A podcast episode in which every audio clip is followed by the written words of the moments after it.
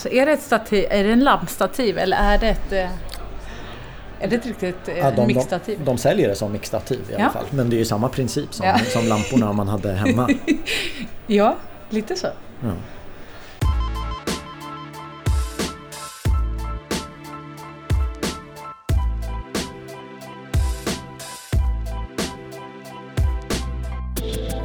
Ledarskap nämns ofta som en viktig faktor när någonting inom byggbranschen behöver bli bättre. Och det finns väl knappt något byggföretag idag som inte håller med om att projektteamet har en väldigt stor påverkan på arbetsmiljö, framdrift och resultat. Min nästa gäst är regionchef på Västbygg samt ordförande i branschföreningen Byggcheferna. I det här avsnittet pratar vi om chefskap och ledarskap, hur de här rollerna har förändrats över tid, förutsättningar och utmaningar samt en hel del annat spännande. Låt mig presentera Jeanette Corvinius.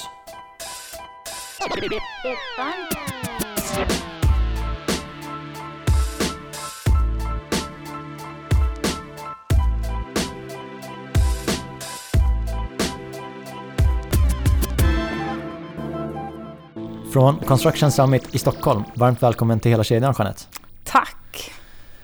Efter eh, en vecka där vi försökte få tag i varandra så sitter vi äntligen mitt emot varandra. Ja, underbart. Och jag tänkte på en sak, för du skickade ett sms till mig och så skrev du så här. Jag sitter i galet mycket möten just nu. Och då undrar jag såklart, är det en vanlig vecka för dig eller är det någonting speciellt som händer nu? Oh, eh, bägge och. Jag skulle säga, ja det är nog lite vanlig vecka. Jag tänker hela tiden att ja, men snart så kommer det bli mindre. Men det blir aldrig mindre. Och samtidigt så älskar jag det, så jag ska inte säga någonting. Men, men eh, jag drabbas ju av samma sak som alla andra i den här branschen just nu. Att det är väldigt mycket mer. Vi har, vi har haft att vi hela tiden har sagt att det har varit mycket. Eh, och nu med ja, men ytterligare de här kriserna och konjunkturer, ja men det är klart, då, då sitter jag också i ännu mer möten. Så är det. Och hur påverkas du av att det är mer? För jag menar utåt, vi hör om en inflation, vi hör om räntehöjningar, vi hör om ett bostadsbyggande som kanske halveras. Hur märks det av i din vardag som regionchef på Västbygg om du pratar Ja. utifrån, den rollen? Men utifrån den rollen så är det att det är klart att man märker av det här Alltså att det, det finns en oro. Det finns en oro i hela samhället, det finns oro på bolaget. Det finns en oro i att man inte riktigt vet vad som är runt hörnet oavsett om vi pratar räntor eller marknaden eller ja. Men ännu viktigare då också tänker jag är att hålla en transparent och en öppenhet och ett lugn. För vi vet ju vad vi är duktiga på. Så att fokusera på de här sakerna som vi är duktiga på och ge det till medarbetarna. För det, och sen att de också vet om att vi, vi är där vi är och nu gör vi bara det bästa av varje del. Liksom. Så vi tar en tugga i taget. Det, så tänker jag i ledarskapet i alla fall. När jag försöker inbilla mig hur det är att eh, ha på mig dina skor eh, så känner jag väl att dels marknadsansvaret därför att om det blir färre projekt som startar så blir ju marknadsarbetet mer intensivt för ni måste ju motivera varför ni ska få bygga de projekten. Och sen som du nämner medarbetarna de kanske också undrar, har vi, har vi jobb nästa månad, nästa Mm. år? Vilka nyckelegenskaper skulle du vilja lyfta fram? Vad är viktigt i ditt ledarskap nu för att komma framåt? Jag går mycket just nu på eh, min trygghet i person. Att jag, eh, dels så håller jag en transparent öppenhet. Eh, jag eh, har den här att vi löser det. För det är faktiskt det att i min värld så är allting går att lösa. Även om det i värsta fall kanske inte alls blir så som vi har tänkt oss. Det går alltid. Eller så lägger vi oss och dö och det vore ju helt korkat i den här världen. Utan, så jag ligger kvar i det som jag har, att ja, men allt går att lösa. Eh, och det är en lite obotlig sjukdom som jag har och som jag är ganska glad för i de här tiderna faktiskt. Har du känt av att medarbetarna är mer oroliga hittills? Ja, och framförallt eh, eh, finns det, det finns lite fler frågor. Eh, och samtidigt så eh, skulle jag nog också säga att just medarbetarna hos oss är, de vet att de får eh, informationen från mig. Eh, och jag har sagt att just nu, om jag inte vet något, nej men då kan jag inte säga något. Men händer någonting, ja men jag lovar er att ni kommer att få vara med. Jag kommer, jag kommer att säga vart jag vill och vad jag ser att vi måste. Men jag kommer alltid att ha med er i frågorna. Eh, och det skapar också ett lugn. Även att eh, som chef och ledare säga att man faktiskt inte alltid vet. Eh, och att man inte, att även när ett beslut är taget så är det inte skrivet i sten innan folk får vara med och ta liksom en, en sista mm, samtal kring det eller annat för en input så att man inte har missat något. tänker jag också skapar ett lugn. Jag vill varken överdriva eller underskatta den nuvarande situationen. Det präglas ju av en hel del osäkerhet. Har du erfarenhet av, av tidigare liknande lägen som du kan ta hjälp av i, i hur du hanterar det? Ja, men vi har ju... Eh, vi har, I min värld så, det vi, är på väg, eller det vi är i och det vi är på väg in i, skulle jag säga att nu är det så många kriser så att jag har inte varit med om det och jag anser nog inte att någon har varit riktigt med i det här heller. Och det tycker jag är viktigt att kunna prata om också. Att sluta stå och säga att vi ska ha alla svaren och allting. Utan snarare ta hjälp av varandra. Säg att vi inte kan och inte förstår allting. Och framförallt vad som kommer runt dörren. Eh, men vi har ju varit med i kriser. Alltså början 90-talet där, nej men den kommer jag inte ihåg. Jag kommer ihåg den absolut. Men, men jag eh, utifrån räntehöjningar och de här sakerna. Men jag kommer inte ihåg den eh, alltså utifrån arbetslivet. Däremot eh, slutet, eh, alltså där 97 och runt där och även 2007 eh, så hade vi det att det, det vart konjunkturpåverkan och det vart oroligt. Då var jag i projekt och det började prata. Så det är den som jag också tänker på nu, vikten av att tänka på att de som är ute i projekt eller påver- alltså ute inne på kontoret, det pratas mycket, man har många funderingar för alla vill veta vad har jag, har jag ett jobb att gå till imorgon? Vad har jag för projekt? Kommer det påverkas? Och vad kan jag göra som medarbetare? För den tänker jag också. Alla vill vara med och påverka så att det blir så bra som möjligt. Förutom din roll som regionchef i Västbygg så är du ordförande i Byggcheferna. Och det är det jag tänkt, jag tänkte ta det bästa från båda världar. Jag tänkte att vi ska prata om både chefskap och ledarskap. Och om vi börjar där, enligt dig, vad är det för skillnad på chefskap och ledarskap? Det kanske finns flera skillnader? Ja, men jag tänker, alltså, till en början så är det att alltså, ledarskap är mycket roligare i min värld att prata om. För att ett gott ledarskap, ja men det här eh, ja, tydligheten, tryggheten. Eh, och ledarskap det är någon som man vill följa utifrån hjärta och gärna att man tycker att ja, men det här är en bra person eller det här är ett bra företag utifrån ledarskapet. Eh, Medan Eh, man ska inte underskatta heller ett chefskap, vilket jag också kan tycka har varit en viss inflation i. Det är många som ibland, man hör att det är, det är chefer och chefer och chefer. och tänker man herregud, hur många kan vara chefer? I min eh, värld och jag hoppas att det kanske dit vi också kommer. Så en chef har också ett eh, medarbetare, alltså då har man medarbetare. Du är chef över någonting. Eh, så att det blir ett mandat och delegat. Och det ska vi inte underskatta för det blir en tydlighet för medarbetarna. Men att bara ha en chef eh, för en medarbetare är inte det som är intressant. Du vill ha målen, du vill ha mandatet, delegatet ifrån eh, chefskap, eller från din chef. Men resten vill du faktiskt ha ett ledarskap i att eh, du kan följa någon, du kan ha någon som pekar, alltså pekar på riktningen. Och sen vill du också ha kanske det här lite mer ja, inkluderande ledarskapet och eh, en ledare som faktiskt finns där också, lite som en medarbetare. Och jag tänker att det finns ett ledarskap också i just medarbetarskapet hos varje individ, eh, som vi inte ska underskatta i det här landet. Min bild av byggbranschen när jag har jobbat ute på byggarbetsplatser så brukar jag känna av att utländska byggfirmor, eh, där är chefen och ledaren ofta samma person. Mm. Min bild av Sverige i stort är inte riktigt så. Vart skulle du vilja placera den svenska byggbranschen? Hur bra är vi på att se skillnaden mellan chefskap och ledarskap? För jag kan tänka mig att historiskt har ju det varit samma roll. Mm. Men nu är det 2023. Mm, absolut. Svår fråga, men jag, det jag tänker där är att vi har ändå en historia av hierarki eh, ute på våra byggarbetsplatser och i samhällsbyggnad lite stort. Eh, där vi har igen det här mandatet och delegatet. Vi kan bara ta som arbetsmiljöansvarsdelegeringen och vi vet vilka beloppsgränser i och med att vi jobbar med stora pengar. Men sen tillbaks till det här med att vi har ett väldigt inkluderande ledarskap i Sverige. Vilket också gör att många utifrån, eh, om vi pratar kulturkrockar om här, är ju också att man tycker att när vi går till någon utländsk, utländsk arbetskraft och så säger vi så här, men du, hej liksom, men du, kan inte ni plocka undan det där? Så tänker jag så här. Eh, man märker på hela dem att, vadå? Eh, äh, det får du ta med min chef. För det är, de säger inte ens det, utan ibland är det nästan bara så att man tänker så här, men gud, vad hände här i samtalet?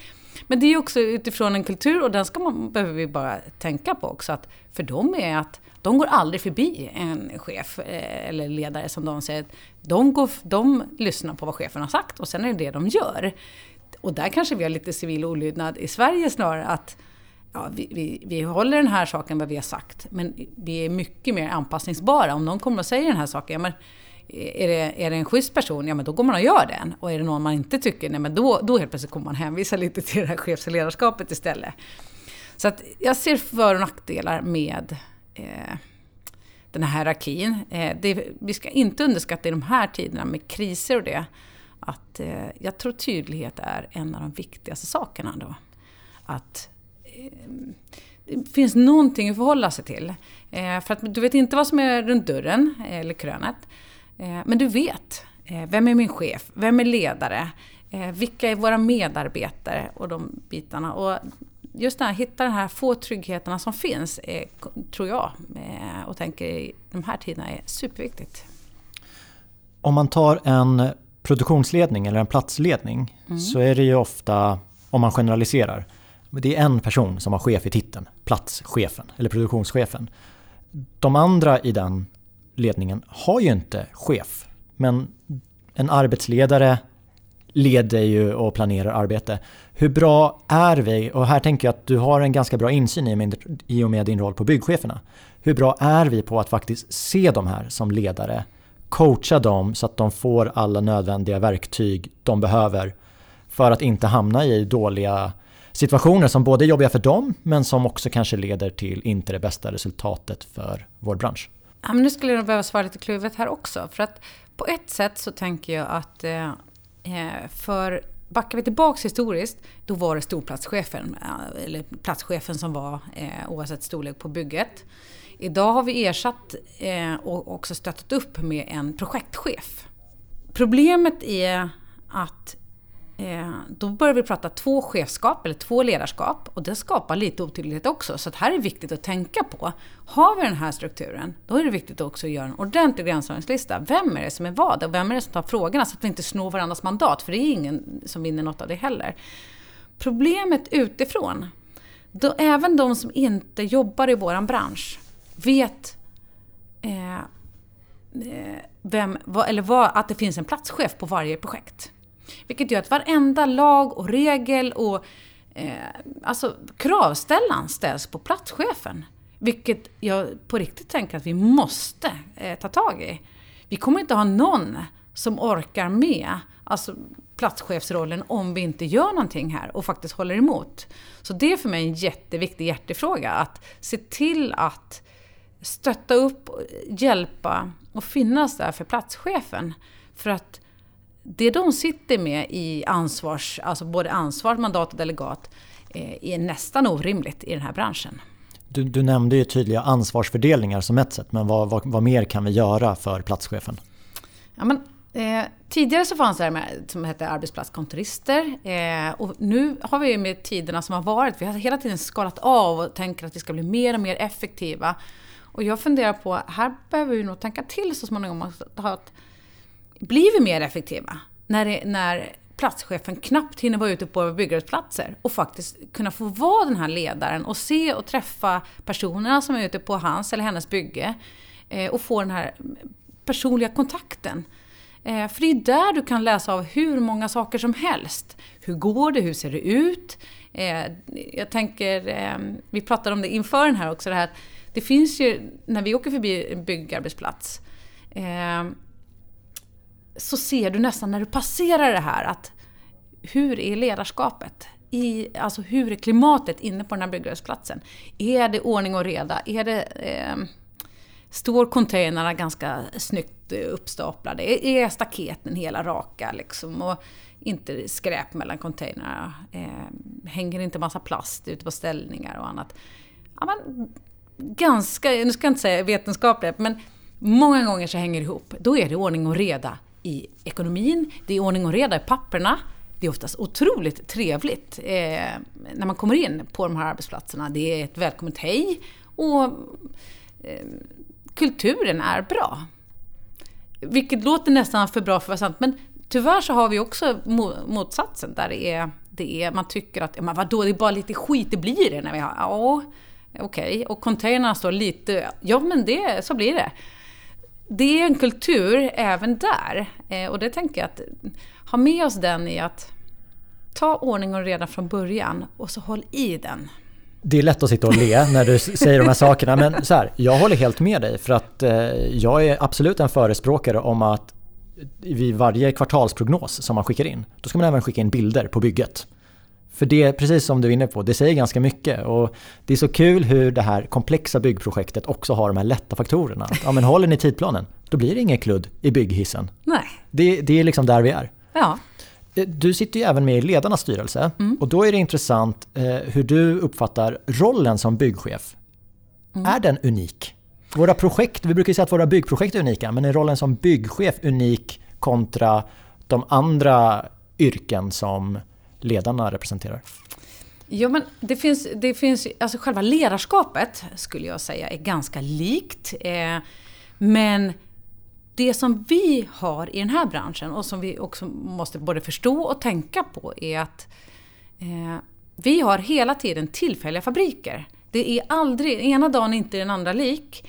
Vare sig det är på projektet eller att du passerar över någon månad. Och den är för mig viktig att ha med sig i att eh, någon utifrån, jag vet inte hur många jag har träffat eh, Eh, folk från skolväsendet eller forskarvärlden som säger, och jag vet också att ni har haft det här så, om mm. logistik och annat, så, där man säger så här, oh, fast jag förstår inte varför ni inte bara kan göra alltså, sak efter sak. Det skulle försvinna svinn och annat. Japp, kom, i min värld då tänker jag mer, håll ordning och reda. Men du vill inte ha den platschefen som eh, alltså du vill ha platschefen som håller ordning och reda, men du vill inte ha platschefen som bara tänker helt innanför boxen hela tiden. Inte den dagen det är snöstorm, det hänger på ställningarna och det börjar bli storma. För då vill du ha en lösningsorienterad platschef eller platsledning eh, som faktiskt ser till att lösa det där. Eh, och sen kan man ju säga så här, jo, jo, men om de vet om det här, då hade de kunnat planerat. Mm. Men det enda vi vet som har i den här branschen är att det händer saker som inte är alltså, utanför eh, planen. Och kollar vi kulturmässigt utifrån ledarskapet, eh, om jag zoomar in på andra branscher, så har vi där att det är inte bara, vi kan tycka att ja, men det här mansdominerande, eller liksom det här lite machokultur eller jargong och annat som vi har bitvis i den här branschen, den är vi inte ensamma om. Eh, jag skulle säga vården, som är nästan motsatsförhållande till byggbranschen, där finns det ju ställen där det är långt mycket värre kultur än vad vi har på de flesta byggen inom samhällsbyggnadsbranschen. Det tycker inte jag har fått så mycket uppmärksamhet. Nej, och då är det också det här kvinnliga, att då helt plötsligt så när, när kvinnor är i en större grupp eh, och skapar en kultur kring det, då är det lite mer Eh, accepterat. Det anses inte lika, eh, men, jargongen är inte lika tuff, fast den egentligen är supertuff. Eh, och allt annat än okej okay i min värld. Och där skulle man behöva göra en hel del jobb också. Det pratas ofta om den tillfälliga fabriken. Jag tycker en annan sak som ofta nämns inom bygg är ju den decentraliserade organisationen. Att projekten har ett mandat att ta rätt många olika beslut. Och om man kopplar det för du sa så här, ja, men den ena dagen behöver inte vara den andra lik. Och så nämnde du lite yttre påverkan som regn och, och, och snö. Och, eller att en transport kanske fastnat. Och, det, det är jag helt fine med. Min bild är att även om vi tar bort alla de yttre faktorerna så gör vi olika i projekten, kanske lite mer än nödvändigt. Och då är det intressant för mig att, att när jag sitter här med dig och frågar, måste det vara så? Och eftersom att det nu faktiskt är så, vad har det för påverkan på chefskap, ledarskap och också arbetsmiljön för alla medarbetare på byggarbetsplatsen? Mm. Här tänker jag att en av våra viktigaste frågor också, bortsett ifrån det här med jargong och det, att man också tänker på att en chef och en ledare har så stor påverkan i våra projekt. Och nu menar jag alltså arbetsledare och hela samhällsbyggnadsbranschen är ju en samverkansbransch att, att sitta och säga att vi bara ska prata en företagskultur, ja den är viktig och alltså nödvändig för den här branschen. Men vi är där, vi kommer från, med, med så olika kulturer och annat. Vi har så många erfarenheter. Och går man på My way is the highway, eh, då har vi massor av olika eh, alternativ i de här bitarna. Och alla vet att om, om jag gör så här, det funkar. Och sen har vi massa från skolbänken som faktiskt aldrig har den här erfarenheten. Hur ska de ha? Och då har vi, oavsett om vi pratar ISO eller om vi pratar eh, ja, men, vilken standard vi än har, det är ju för att faktiskt hjälpa oss att göra så rätt som möjligt. Men vi har mycket byggregler, vi har mycket alltså, eh, lagar, krav eh, ifrån myndigheter. Vi har också krav sen som kommer ifrån byggherrar och kommuner också.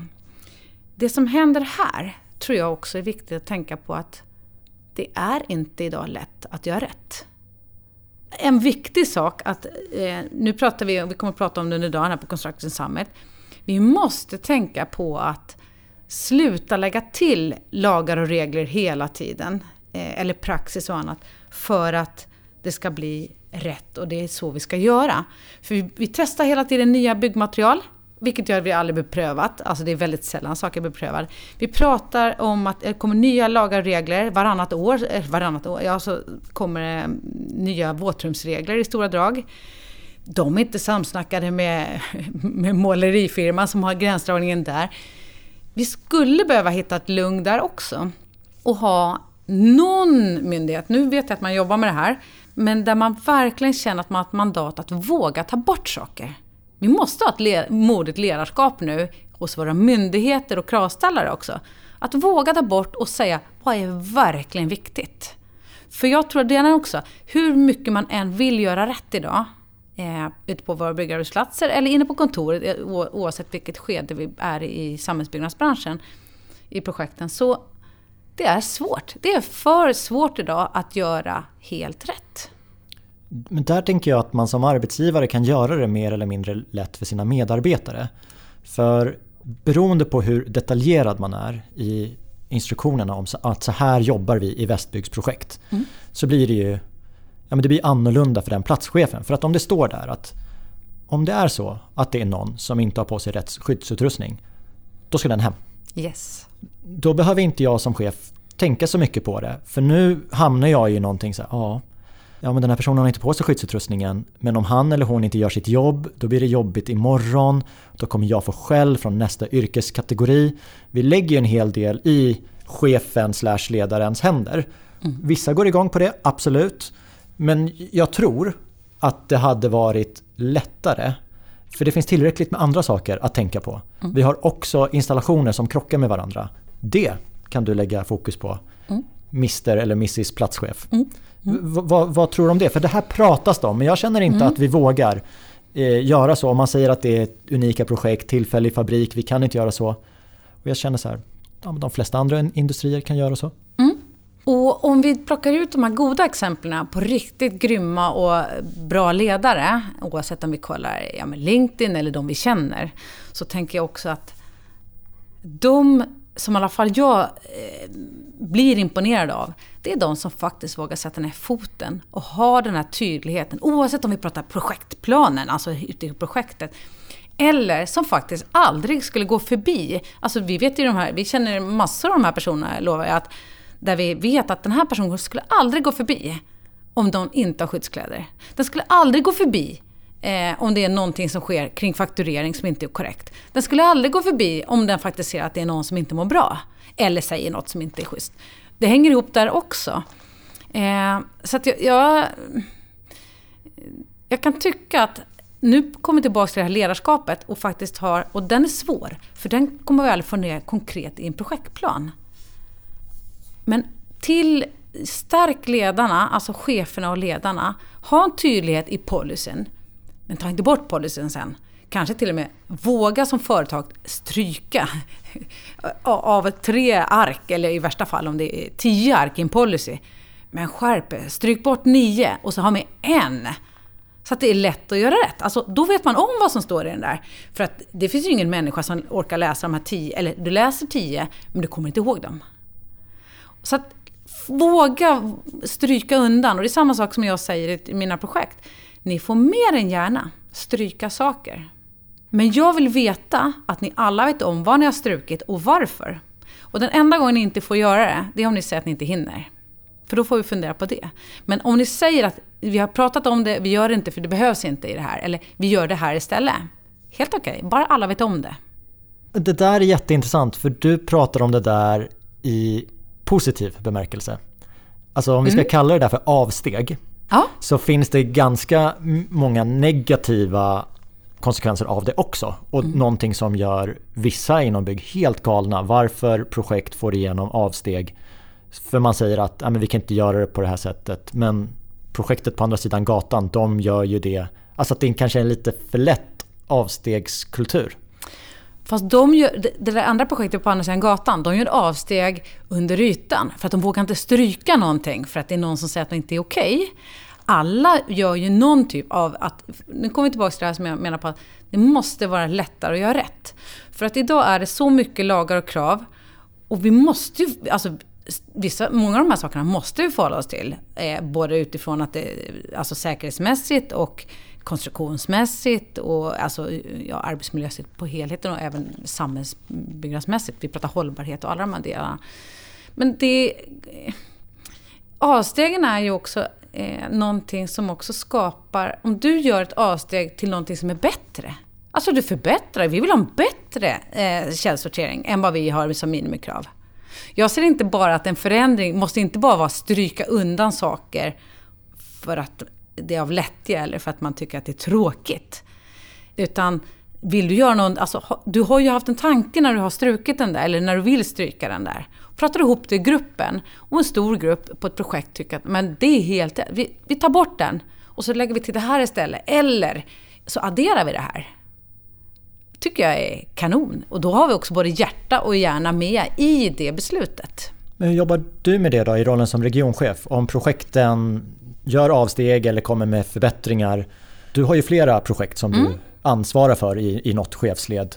Som, har, har, du någon rutin för, ja men om det här projektet gör det här avsteget, ska alla få göra det? Eller om det här projektet har hittat en förbättring, mm. ska alla göra det? Hur jobbar du med det? Jag vill gärna lyfta upp alla goda exempel. Så fort jag hör någonting så lyfter jag upp det i eh, mina veckomail som jag har. Eh, och mer bara för att ta, sno alla goda exempel. Alltså det är ju ingen... Vi, jag, jag tänker egentligen likadant eh, på bolaget som jag tänker i branschen. Alltså, ta, ta varenda goda exempel som finns. Är det någon som gör något bra? Ja men säg jäklar vad bra, vilken grym idé. Eller den har inte ens vi tänkt på, den där ska vi ta. För att öka trivsel eller öka kvaliteten eller öka... Men ta den! Och sen lägg inte i att, att, det är, att det är något negativt, det är bara positivt. För du positivt förstärker den som har gjort, tagit fram det här. Du får en positiv förstärkning att du faktiskt har, att du får en arbetsglädje i de sakerna du gör. Och, och liksom, alltså du får ju hjärta du får ju energi hos varenda kotte som, som går in i den här förändringen. Vet du vad jag tycker är intressant? Nu när jag sitter och lyssnar på dig och du säger de här sakerna så, så hör jag det. Ja, Okej, okay, ja, det finns för och nackdelar med det. Hade du sagt den totala motsatsen, då hade jag fortfarande suttit här och sagt ja, det finns fördelar, det finns nackdelar. Och det tycker jag är jätteintressant. Att, att du skulle kunna säga båda sakerna i egenskap av byggchef. Och det är så här, ja men det är väl rimligt. Det är väl väldigt många i branschen som gör så. Fast jag tänker att vissa saker måste, får vi aldrig förändra heller. Alltså har vi skallkrav, och det är därför också det här samtalet med beställare eller myndighetskrav. Det är också lika viktigt som att du får göra avsteg på vissa saker så måste också projekten och, och egentligen organisationen också vara jättetydliga med att det här, det här är för mig ett no-no i förändring för mig som beställare. Ja men bra, då vet jag det som entreprenör. Eller det här, det här är, har vi märkt är jätteviktigt för de som flyttar in. Eller det här är jätteviktigt för de, det här kontoret. Oavsett vilken ordning det är, eller hållbarhetsfrågan eller vad det är. Håll då, och då, nu kommer jag tillbaks till det här tjatet när jag säger, gör det lätt alltså, lätt att göra rätt. För att alla ska då veta, det här är skallkraven. Eh, vi har massor av frihet, men inte på de här punkterna. Och då kommer man hålla sig till de punkterna till punkt och pricka också. Du, eh, när vi pratade i telefon så kom vi fram till att du har haft en spännande karriärbana men du har ju ändå haft någon kontakt med byggbranschen i 25 år. Mm. Hur skulle du säga att eh, rollen som byggchef har förändrats under de 25 åren? Alltså, till en början så var den absolut, den har gått, om vi nu pratar jargong och annat, så har det blivit en väldigt, väldigt mycket mer inkluderande och alltså mer eh, på ren svenska hjärtligare eh, agerande och en schysstare bransch eh, i många delar. Eh, samtidigt så, jag har alltid trivts i den här branschen. Jag har även trivts med det här när man kom till morgonfikat och det var självklart att man skulle komma där. Eh, vet, kom man inte en kvart innan, då var det samma sak för en platschef. Hon komma sent, för att då var det klart att du skulle sätta och ta den där kaffen innan. För när du började, ja, men då, var det, då skulle du redan prata ihop det och då körde man. Eh, och man kunde få den här kommentaren, men jävlar vad sliten du ser ut idag. Så tänkte man så här, va? Vadå? Men samtidigt så var det ju också en öppning på att ja, jag, jag såg jättedåligt eller jaha, nej men det var skita på med håret idag. Eller, det finns en ärlighet och, och en, eh, något fint i den också. Men jag skulle nog säga att den jargongen idag, tack och lov, tycker jag är, alltså den är no-no. Lite det här eh, skämtsamma, ja, för det handlar om en inkludering. Men, men att inte på andras bekostnad. Eh, och den, den tycker jag har blivit en stor förändring. Så ser vi också i att det en ung kille och tjej idag tycker, som kommer in i branschen, för dem är eh, jämlikhet, jämställdhet så självklar att jag älskar den självklarheten. Men vi ser också i våra undersökningar att ställer du samma fråga för dem, att det är absolut inte okej okay, eh, för någon som är lite äldre och säger så här, men vadå, har du ingen kärring hemma? De menar inte illa med det, de menar ibland till och med inkluderande, men de fattar ju inte hur dumt det blir. Och de yngre generationen tycker snarare i det här läget att, men shit, vem, vem grävde upp den där den gråstenen liksom? För det är så olika kultur att, och de är på väg att verkligen gå åt olika håll. Och här behöver vi hjälpa till och förstärka de unga och vad som verkligen är och att de ser som självklart och de tycker också är fint. Att man hjälps till hemma, Eh, att man, man är hemma ungefär lika mycket med barnen. För det som händer där, privat och jobb, gör ju också att det går ihop och vi får en positiv förstärkning även eh, på våra arbetsplatser och i, alltså i, i den här branschen också. Så jag, jag, jag, tror att vi måste bara tänka att det händer och det går långsamt, eh, vissa saker. Vissa saker med, med illa kultur eller annat, där kommer vi tillbaka till det som jag också tjatar om chefsledarskapet. Här måste företagen och branschen, här måste vi gå in och säga att det är inte okej okay att inte ha ett schysst eh, klimat gentemot varandra. Varför ska folk må dåligt på jobbet? Det finns ingen anledning. Alla jobbar så mycket bättre när vi inte behöver skydda våra ryggar och vi kan fokusera på den arbetsuppgiften vi har. Dessutom att veta att oavsett om jag är tjej eller kille så är det inte bara jag som ska göra det ena, alltså åka och hämta barn eller åka och handla eller alltid städa eller annat. Utan jag kan också få komma hem och bara eh, slappa en dag eller åka och träna direkt eller annat. Alltså, vi nyttjar helt plötsligt 100% av befolkningen. Vi är inte helt där, men vi, vi är på väg. De här exemplen som du nämner, om jag ska sortera dem så sorterar jag dem under, jag tror att det kallas psykosociala arbetsmiljön. Mm. Jag trodde ju att du skulle fokusera på, jag menar 25 år. Internet har ju verkligen slagit igenom. Mm. Google, du kan ju söka information på ett helt annat sätt idag jämfört med för 25 år sedan. Mm. Vi har eh, smartphones i fickan som har typ ganska många svar som man historiskt kopplar till sakkunskapen. Mm. Och nu blir det här en ledande fråga. Men jag trodde att du skulle nämna mm. någonting, övergången från sakkunskap till ledarskap bland chefer. Åh, oh, men nu är det här sköna också att det där har nästan också blivit så självklart inklusive för mig själv. Eh, jag, är, jag älskar att googla. Jag googlar ju allt. Även saker jag kan så vill jag googla för att jag vill veta mer. Så idag att sitta på kunskap gällande alltså sakkunskapen eller liksom hitta en byggregel eller annat. Det är ju inte där kunskapen och vikten idag i den här branschen är. Däremot måste käll, alltså källsorteringen och källkritisk, ja men den är viktig och den är nog viktigare än någonsin i det här. Men nu kommer vi till det här med ledarskap och medarbetarskap också. Att välkomna in det och säg inte att det här är alla skallkraven utan välkomna in det. Och så tar du de här, de som faktiskt vill vara förändringsledare eller som vill ta de här. Lyft upp dem, gör dem. De kommer att bli ambassadörer. De kommer att kunna säga vad som är bra och vad som faktiskt inte är bra. De kommer inte muttra över den här förbaskade saken som inte funkar utan de kommer att säga så här, ah, det, är lite, det är lite barnsjukdomar. Och sen kan vi liksom bjuda in eh, person för person och då har vi också superexperter nära oss eh, i organisationen. Så det är nog utifrån mitt tankesätt, jag ser att, att det är klart att det har hänt massor där.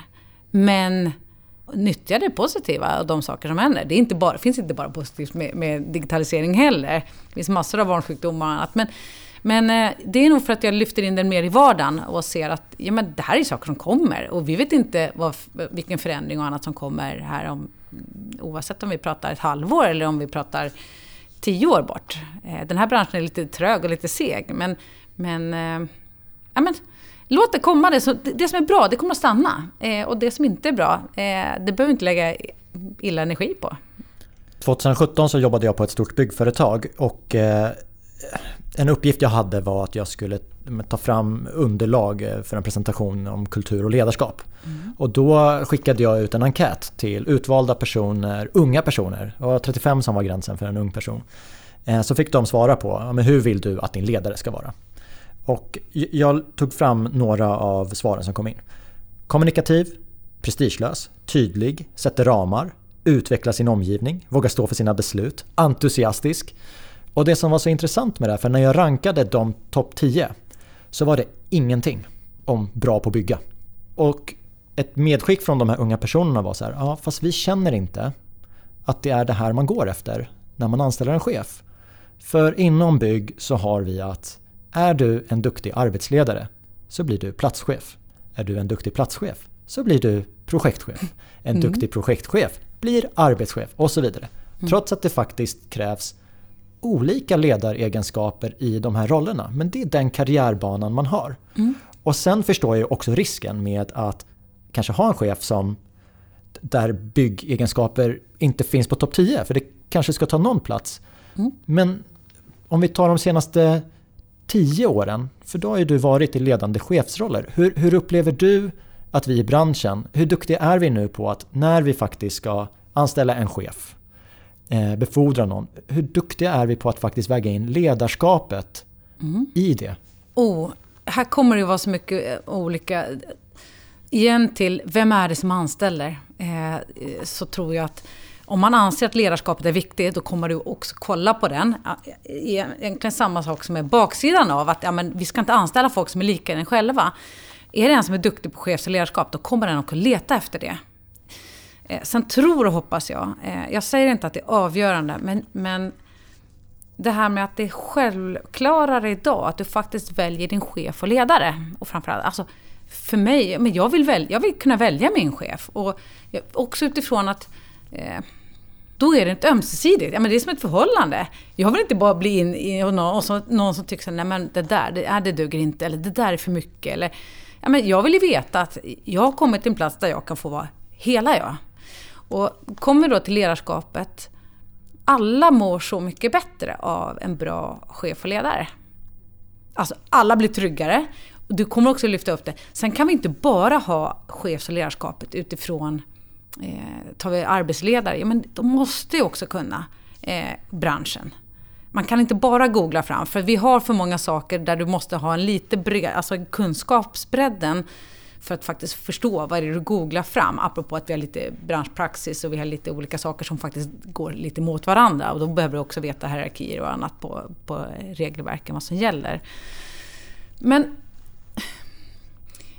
ledarskapet tror jag är det som är det viktigast för att folk ska komma till jobbet och känna att nu ska jag ge allt.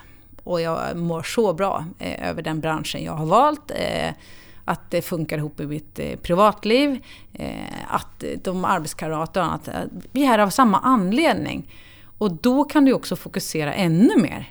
Med den glädjen och den energin, ja men då kan du fokusera ännu mer på, på ja, sakkunskaperna eller själva byggproduktionen och de här sakerna. Men att utgå ifrån att vi bara ska ha specialister, vilket är lite det du också utför, då tror jag att vi får ganska farligt. Men jag skulle också säga att vi har i många, särskilt stora bolag, och branschen också, nu tar vi hållbarhet som ett exempel. Det är ju en vansinnig bredd i hållbarhet. Det är klart att vi måste ha specialister som är väldigt duktiga på varje sak. Problemet med en specialist är att den behöver oftast ha översättning över, eller ha någon som säger att, vet du, tänk efter i att, igen, lätt att jag har rätt nu. Ni måste hjälpa de här generalisterna att förstå vad ni menar. Och inte bara tro att det är ert eh, specialistområde som är det enda eller det viktigaste. Och den är svår. Här kommer vi till ledarskapet också, att försöka hitta den här transformationen i ja, lite översättningen. Att få de här specialisterna som gör ett fantastiskt jobb och egentligen är helt ovärderliga. Men att prata med generalisterna, som är de som och, och, och sätter ihop hela projekten och de här sakerna. Och tycka att båda, bådas jobb är lika viktigt och att man förstår varandra i teamwork. För ingen klarar sig utan andra i vår bransch skulle jag säga. Nej, jag håller med. Och eh, det är väl ett tips om man vill bli förstådd. Att ja, men, börja med att försöka förstå den du ska förmedla budskapet till. ja. Vi spelar in det här under Construction Summit och du ska snart iväg och vara med i ett panelsamtal. Men jag tänkte avsluta med en grej som jag snappade upp i inledningsanförandet här i morse. Och då var det någon som sa vi ska inte fokusera på vad som är dåligt idag utan vi ska fokusera på vad som behövs imorgon. Mm. Och om vi utgår från chefs och ledarrollen i, i bygg. Vi ska inte fokusera på vad som är dåligt idag. Men vad behövs? Då får du välja. Vad behövs av chefen eller ledaren eller vad behövs för dem, av dem runt om ledaren imorgon? Vad är viktigast? Eh, då, det, där tänker jag så här att eh, Oh, det, nu blir det tjatigt, men jag tänker igen. Lätt att göra rätt. Så den som sätter dit en ny byggregel ska nästan ha lika mycket krav på sig att ta bort en byggregel. Lägger du dit en branschpraktik, ja men då måste du ta bort lika mycket.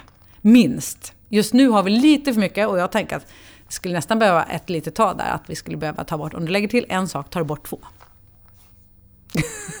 det är en, en av de, som jag anser en av de viktigaste sakerna för att hitta den här det ska vara lätt att göra rätt. Sen ledarskapet. Eh, hitta den här eh, ledarna som kan se vad varje specialist är duktig på. Knyta ihop det så att generalisterna ser och förstår. Då avslutar vi så. Tack för att du gästade hela kedjan. Härligt. Tack! It's fun.